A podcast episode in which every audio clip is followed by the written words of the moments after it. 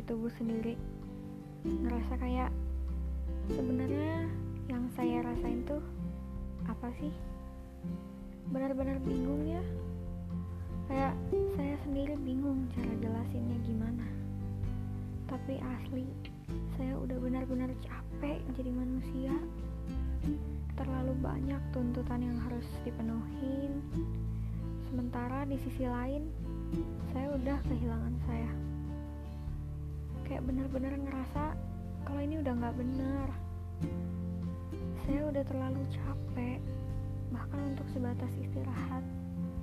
Saya udah muak sama tuntutan orang-orang. Saking muaknya rasanya makin lama malah jadi enak udah terlalu banyak benci yang saya pendam. Udah terlalu banyak makian yang saya terima sakit. Selama ini saya kesakitan. Saya harus berusaha dan pura-pura kalau saya baik-baik aja.